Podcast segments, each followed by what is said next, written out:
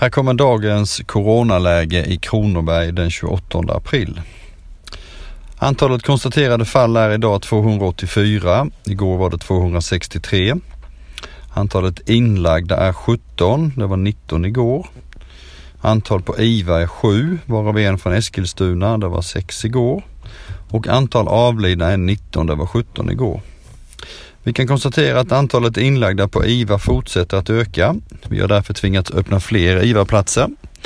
Vi har nu öppnat två platser till och har nu totalt tio IVA-platser. Tidigare fanns det tre platser för covid-19 patienter i veckor, nu finns det fem. Och i den nya sal som har tagits i bruk så finns det också möjlighet att öppna upp ytterligare tre, fyra patienter. På avdelningen arbetar förutom ordinarie personal även läkare från kirurgen och sjuksköterskor och undersköterskor från operationsavdelningen. Tänk på att även om det verkar som att vi har det ganska lugnt i länet med tanke på ganska låga antal konstaterade fall så har vi redan nu en betydlig påverkan på IVA redan idag. I vanliga fall har vi som sagt var åtta IVA-platser i länet och redan nu har vi varit tvungna att öppna två extra platser. Så sjukvården är redan påverkad och kommer bli än mer påverkad framöver. Glöm inte bort det när ni läser siffror och statistik. Antalet avlidna fortsätter stiga.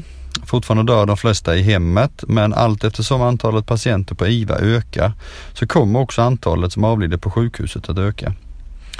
Jag tycker fortfarande att vi följer kurvan vi har, vår prognos. Eh, men det är nu det avgörs om vi kommer följa Stockholm och Sörmlands kurva eller vi får en lägre kurva än dem. Antingen fortsätter ökningen den takt vi har eller så kommer den att stiga ännu brantare som den gjorde i de nämnda regionerna. Region Kronoberg anordnar nu två presskonferenser i veckan för att informera om läget och de åtgärder vi vidtar. Vår smittskyddsläkare Christian Blomqvist är, Blomqvist är oerhört viktig för oss. Det är han som har expertkunskapen och idag har han informerat lite mer i detalj om antal fall och IVA-platser och så vidare. Bland annat har han idag berättat att vi har friskförklarat 97 patienter. Fram till och med fredagen den 24 april då för några dagar sedan så hade vi lagt in 57 patienter på sjukhus eh, och dessa hade en medelålder på 66 år.